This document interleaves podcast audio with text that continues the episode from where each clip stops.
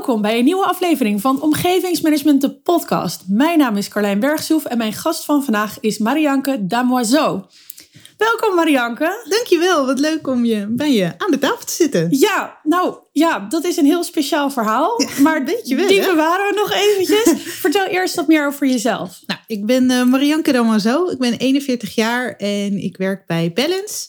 En voor Balance uh, ben ik werkzaam voor Rijkswaterstaat, het project de verbreding van de A9 tussen Badhoevedorp en Holendrecht. Een schitterend project. Ja, dit is wel een beetje een huzarenslade stukje. En wat maakt dit tot een uh, huzarenstukje? nou, dit is een heel groot project en dit uh, behoort tot het, tot het grootste programma van, van Nederland. Dus je hebt daar eigenlijk alles wat je kan bedenken zit, zit hierin en hebben we ook mee te maken op een dagelijkse basis. Nou ja, en wat dus deze aflevering een beetje spannend maakt voor mij, is dat normaal interview ik mensen en dan ga ik er vrij blanco in.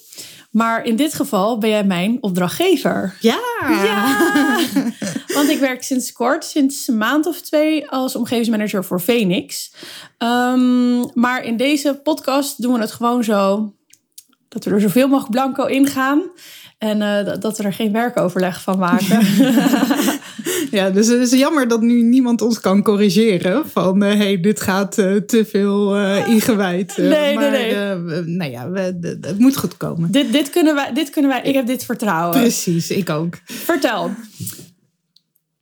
Je vertelde, alles komt voorbij in het project. Ja. Wat zijn nou dingen waar jij echt blij van wordt? Nou, waar ik echt heel blij van word, is dat we ook een beetje naar een andere manier kijken naar het, uh, naar het project. En waar je vanuit een klassieke gedachte kan denken van je hebt een project en dan heb je een eindproduct. Dus of een weg of een brug of whatever. En de weg daar naartoe, dat is nou ja, noodzakelijk kwaad. Er komt misschien hinder bij kijken. Uh, maar dat is een beetje zo de zure appel die, waar je doorheen moet bijten. En dan heb je iets heel moois. Nou is dit zo'n groot project, uh, een uitvoering die al een paar jaar bezig is en die nog een paar jaar bezig gaat zijn, dat het heel moeilijk is voor mensen om over die periode heen te kijken. En dit is dan een verbreding van een weg. En wat nou als je ernaast woont en helemaal nooit van die weg gebruik maakt? Of staat... Dan heb je alleen maar lasten ja, en geen lusten. Precies. Dus wij hebben vanuit het programma gekeken. En ook, uh, het is het, het SA-programma Schiphol, Amsterdam, Almere. En uh, daar hebben we al vijf... Uh, dit is het vijfde project. Dus we hebben al vier projecten gedaan. En eigenlijk een beetje de lessons learned daarvan meegenomen. Van hoe kan je nou mensen een doorkijkje geven? En hoe kan je nou mensen ook daadwerkelijk iets voor ze doen. En dan niet alleen in die eindsituatie, maar juist in uh, de realisatiefase. Um, dan moet je eraan denken dat je daar met een enorme groep mensen bent, een enorme groep techneuten, dus heel veel kennis in het project zit. En er gebeurt heel veel. Dus er is heel veel ruring. En dat kan je ook mensen als een setje geven van: hé, hey, jij wilde toch heel graag dit. Um, wij zijn hier toch, dus waarom hè, bied je dat niet bij ons aan? En um, dat hebben wij buurbouw genoemd. Het is een design thinking uh, project. En dat geeft... Wat is design thinking? Ja, design thinking is dat je vanuit um, ja, meer een, een, een creatievere manier kijkt naar een, een, een project. En uh, dat je in de loop van het project al uh, veel meer dingen meeneemt. Creatieve invalshoeken meeneemt en daar een plus, plus, plus van maakt. Oké, want de connotatie die ik er een beetje bij heb, is dat je traditioneel in projecten voornamelijk naar je risico's kijkt. En we werken risicogestuurd.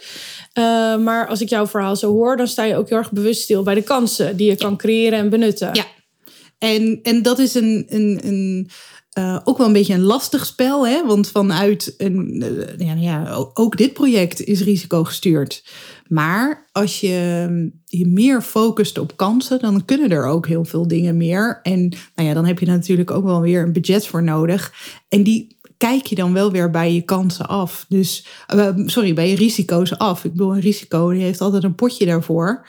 Ehm, dus als jij nou op een hele leuke, ludieke manier iets kan verzinnen om dat risico ook weg te nemen, kan je wel weer de mensen, de, de omgeving, eh, veel meer in hun kracht zetten. En om bijvoorbeeld een voorbeeld eh, te noemen, zo hebben we in de coronaperiode, we zitten met het project ook vlakbij het Cobra Museum. Uh, het was, zij hadden een hele mooie tentoonstelling, een fotografie tentoonstelling. En toen brak corona uit. En dus zij zaten daar met een hele mooie tentoonstelling en de musea dicht. Nou, we hadden toen net een uitzichtpunt geopend. En dat is ja, ja, een, een, een stijgerbuizen uitzichtpunt naast de snelweg. Dus wat nou als we nou die doeken laten printen met uh, die foto's uit de voorstelling. Oh, wat mooi. Het, uh, en uh, dus zo is die hele toren bekleed met, met kunst. En dat was dan ook net op het moment dat de minister de, het, het startsein gaf voor het project. Dus er was ook heel veel pers. En dus zo kan je dan toch ook weer die kunst laten zien. En, um, wat leverde dat uiteindelijk het museum op? Heb je daar nog wat terugkoppeling van gekregen? Nou ja, zij hebben natuurlijk gewoon hun, hun, uh, hun tentoonstelling op een alternatieve manier toch bij de mensen kunnen brengen. En wij liften daar ook weer in mee, omdat je. Um, eigenlijk wat je aan het doen bent, geef je een, een dubbele betekenis. En uh, je krijgt er draagvlak door. Door mensen die daar omheen wonen en zeggen: joh, wat een, wat een leuk idee. En ik, ik ben nu langs je uitkijktoren gelopen. En ik, ben, ik heb opgekeken, ben naar je project gekeken. Dus het is een win-win voor iedereen. Dus mensen die geïnteresseerd zijn in, in, in het hele museumgebeuren, in de kunst, zeg maar, die krijgen meer mee van uh, het uh, werk wat we maken. En de mensen die geïnteresseerd zijn in het werk dat we maken, die krijgen amper ook weer wat meer mee van het museum. Dus je, je spreekt ja. eigenlijk elkaars doelgroepen aan. Precies. En dat is een hele leuke manier om je aanwezigheid. Je bent niet alleen maar daar als hindermacht. Maar je kan er ook uh, een, een andere twist aan geven. Dus dat je jouw project op een andere manier framet. Dus niet als infrastructureel project, maar misschien wel als uh, blanco decor. Of uh, als een educatiemogelijkheid. Dus nou ja, het Keizer Karel College zit ook naast ons project. Dat is een middelbare school en die heeft ook een technasium. Dat zijn gewoon de de nieuwe techneuten die over een paar jaar op onze projecten zitten. Ja, als je die nu goed meeneemt en, en lekker maakt voor al het moois wat er eigenlijk gebeurt. Precies. En dat is, um, waarom zou je die dan nu, nu niet al uh, erbij betrekken? Dus wij geven elk jaar geven we daar ook opdrachten op school die die leerlingen uitwerken. En uh, nou ja, zo op deze manier ook bij, die, bij uh, dit project betrokken worden. Waarbij je dan ook weer van ouders hoort van... hé, hey, eerst vond ik het heel vervelend, want mijn kind die moest omfietsen... en is het wel veilig met al het werkverkeer? En nu wij ze ook zo betrekken bij het project, zien ze het als meerwaarde.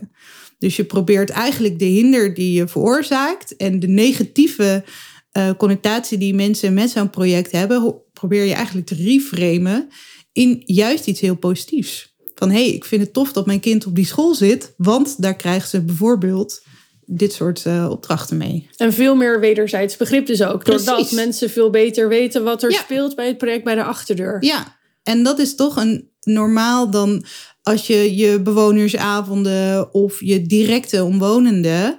Uh, uh, kijk, die spreek je wel, maar dan is het dus allemaal vervelend. En um, als je ze met andere dingen ook kan helpen, als je een andere energie kan brengen, als je echt iets kan toevoegen, dan verzacht dat echt. En dan krijg je ambassadeurs op je projecten. Die een, een ander voorbeeld waar we nou ja, ook met buurbouw hebben gedaan, is het verleggen van een aantal polderwegen die parallel liepen aan de snelweg. En omdat de snelweg iets verbreed wordt, moesten ook het onder, onderliggend wegennet wat uh, verplaatst worden.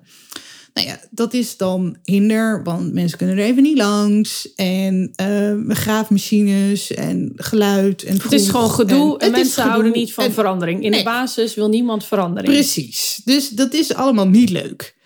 Nou, op het moment dat die weg verlegd was, dan hebben we hem niet gewoon opengesteld en uh, ga je gang. Maar hebben we alle kinderen uit de buurt gevraagd: van kom met je, met je fietsje of met je rolschaatsen of iets en kom hem inwijden. En dat was ook in, in tijdens de coronaperiode, dus er was ook helemaal niks verder te doen.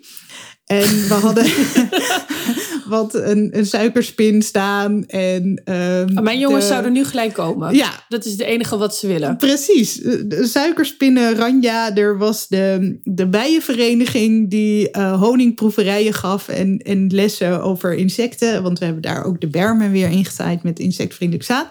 Maar dus het is vrij simpel. Een, een, een, een beetje aankleding, een beetje lol en iets. Het kostte dus met name tijd en niet zozeer geld. Precies. En er kwamen 400 kinderen die kwamen daar het asfalt in wijden. Dus het is niets leuker dan dat, toch? Nou ja, dat is. Uiteindelijk zijn dat, denk ik, de leukste dingen van ja. ons werk. Waar je gewoon het meeste energie van krijgt. En gewoon echt, nou, ik word echt heel blij van dit soort verhalen. Ja, en dat is ook nu als ik door het dorp, dorp loop daar ook. Dan kom ik echt nog kindjes tegen of ouders tegen. Hé, hey, je bent van die wieltjesdag. Nou, in plaats van, hé, hey, jij bent diegene die zoveel hinder veroorzaakt. Die altijd maar met slecht nieuws komt. Ja, dus dat is toch, hoe fijn is dat? Hoe je dan met een, een ander frame kijken naar je project, ook zo'n hele omgeving mee kan nemen en daar juist iets leuks uit kan maken, een positieve draai. En stel nou dat uh, je omgevingsmanager bent op een project en je wil eigenlijk ook dit creëren. Waar start je? Of wat zou je mensen willen meegeven? Nou, hoe wij gestart zijn is, uh, want dit is dan een samenwerking uh, met de aannemer en met de gemeentes waarin wij werken. Van waar is er nou behoefte aan? Wat zijn nou die frames? Wat, hoe kunnen we nou dat project nou daarna anders naar kijken? Um, dus bij de ene gemeente hebben we bijvoorbeeld vooral gericht op sport en spel. Uh, de ander hebben we ook uh, bijvoorbeeld een, vanuit de geschiedenis uh, gekeken. Waren dat dan mensen vanuit de gemeentes? Ja, en, okay. en ook met bewoners waar we mee hebben gepraat van hè, wat, wat zijn nou dingen um, waar jullie blij van worden. En kom vooral ook met ideeën. Dus waar je denk ik de eerste stap die je moet maken, is je echt bewust zijn van waar ben ik nou? Het is niet jouw technische opgave die je op een willekeurige omgeving plakt. Want het vervangen van uh, een, een brug. Uh, in uh, Amsterdam Zuidoost is een hele andere vervanging van een brug in Capelle aan de IJssel het zou precies dezelfde brug kunnen zijn met precies het Technisch aantal kan het, het hetzelfde werkje precies. zijn. Alleen wat zit er omheen, ja. dat, dat maakt het verschil. Ja, dus je echt verdiepen en met een oprechte interesse kijken naar waar ben ik nou eigenlijk beland. En dan het ook gewoon vragen van mensen, hey, waar, waar, waar loop je nou tegenaan en wat zou je nou graag willen? En um, het laten weten dat je open staat voor dit soort ideeën. En ik denk dat veel mensen toch, uh, uh, die denken, nou geweldig, maar uh, twee bezwaren. Eentje is dan geld, want dingen kosten geld waar je toch niet gelijk de baten ervan terugziet. En B, we hebben het altijd allemaal heel erg druk. En dit zijn wel extra dingen waar je tijd vrij voor moet maken. Tijd die mensen vaak ook gewoon niet hebben. Ehm, hoe, hoe zie jij dat? Of hoe ga jij ja. daarmee om? Nou, het geld, daar had ik al een, net al eventjes naar... naar risicoreservering. Risico Laat je die vrij vervallen op het moment dat risico's niet opgetreden zijn? Ja, en gewoon kijken naar van... Um, kijk, er staan soms, soms ook echt enorme bedragen. En zolang je mensen maar meeneemt, dan... Uh, al die bezwaarprocedures, als mensen weten wat je aan het doen bent en zien dat je oprecht geïnteresseerd bent en oprecht iets kan toevoegen, dan zijn er geen bezwaren. Of dan, hè, dan zijn die procedures gewoon een heel stuk makkelijker. En qua tijd, ja, het kost tijd. Ik uh, sta vanavond bijvoorbeeld uh, waterflesjes van het programma, van het project uit te delen bij uh, de wandelvierdaagse. En um, ja, dat zijn niet de uren waar ik nou per se betaald voor word. Of ik sta over twee weken een melkpak in te hijsen op de Amstellanddag. Ja, vertel um, dat verhaal maar eventjes, want dat is wel een hele bijzondere. Ja, dat is um, de Amstellanddag is een uh, dag die wordt georganiseerd vooral vanuit de groene blik uh, in een, nou ja, het gebied waar wij uh, werken.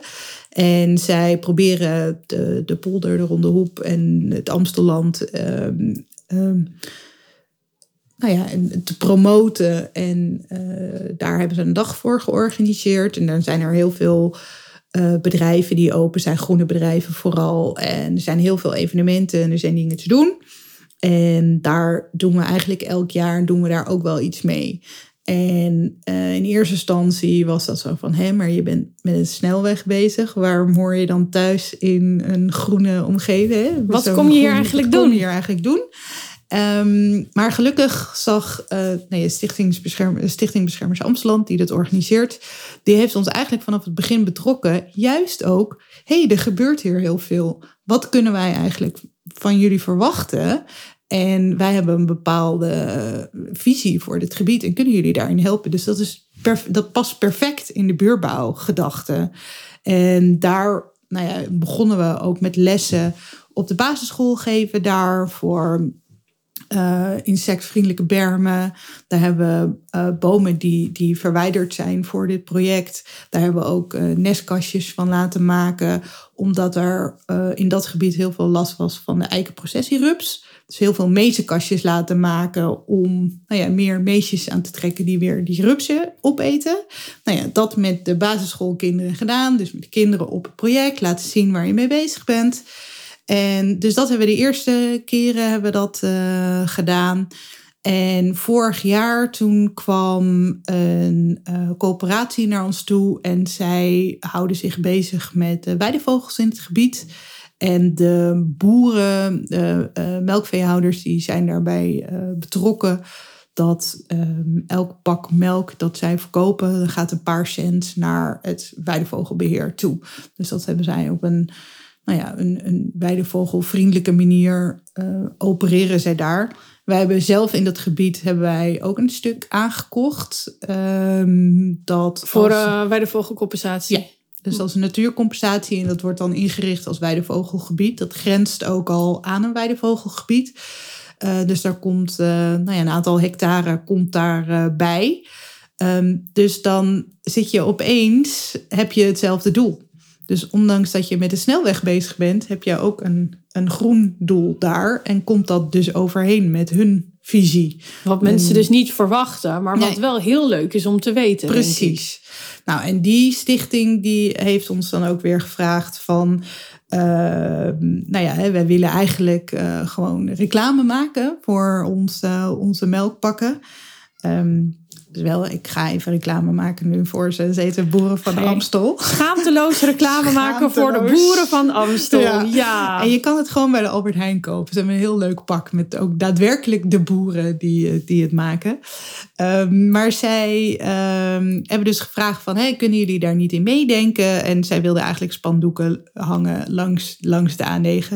Nou, nou is een wegbeheerder daar al niet zo heel fan van, maar ja, gewoon platte reclame vind ik dan ook van ja, waarom doe je het dan voor de ene wel en de ander niet? Weet je wel, dat vond ik dan ook niet een heel. Dus ik dacht, nee, we moeten iets veel ludiekers bedenken. En dat is dan weer aan het koppelen aan wat je daaraan doen bent. En daar gaan we in juni beginnen met, uh, uh, met het slopen van, een van een viaduct. Dus daar staan kranen en er staat groot materieel. Dus we dachten, nou, we gaan gewoon uh, daar iets mee doen. Dus zij hebben een heel groot melkpak van uh, vijf meter. Dat wordt nu gemaakt. En die gaan we dan daar inhijsen. Dus dan hebben wij ons belang van, hé, wij kunnen weer over ons project praten. We laten zien waar we mee bezig uh, zijn. Mensen komen er naartoe en je kan het op een andere manier jouw project uitleggen. Zij hebben nou ja, ludieke aandacht. En je bent samen bezig om, om weidevogels uh, in een zonnetje te zetten. Ja, en ook doordat je samenwerkt leer je elkaar ook beter kennen. Precies. En bekend maakt bemind. Ja. Dus uh, ook daar zie ik wel uh, toegevoegde waarde. Ja. Maar geen Guinness, hoe heet het ook weer? Guinness Book of World Records? Ja, nou, ik, ik, wij hadden zoiets van, dit, dit moet gewoon inderdaad een, een, een Guinness Record worden. Alleen toen heb ik daar een navraag voor gedaan. En moest je dus 10.000 euro betalen om überhaupt uh, je aanvraag in te dienen. Toen dacht ik, ja, uh, hallo. Zo, dat... zo, zo, zo nodig hoeft het dan ook wel Nee, niet. precies. Nou, we weten dat... Uh, ik heb gewoon gekeken naar wat is het, de grootste melkpak. Nou, bestaat niet. Dus bij voorbaat, alles wat je doet hoe dan ook een wereldrecord. Een wereldrecord.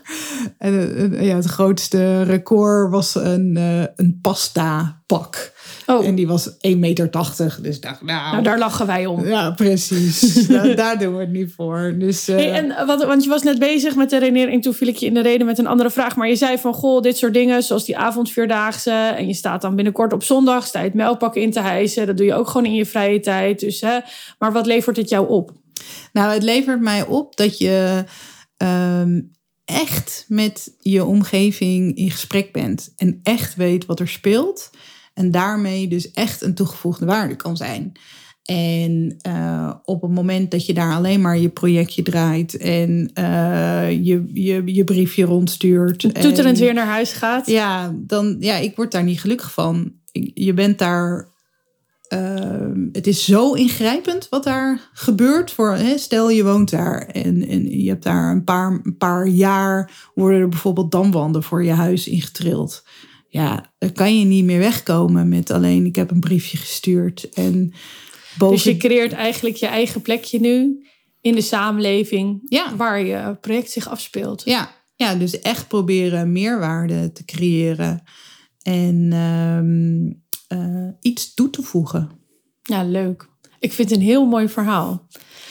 Langzaamaan moeten we uh, naar een afronding toe. Ik ben benieuwd, heb jij nog een tip voor omgevingsmanagers? ter inspiratie? Nou ja, wat, ik, ik probeer echt altijd zo oprecht en open mogelijk een gesprek in te gaan. Dus niet vanuit jou, wat is nou mijn scope? Maar um, eigenlijk alles erbij betrekken wat je erbij kan betrekken. Omdat je nou eenmaal in een positie zit waarin je dingen voor elkaar kan krijgen. Omdat je de connecties hebt.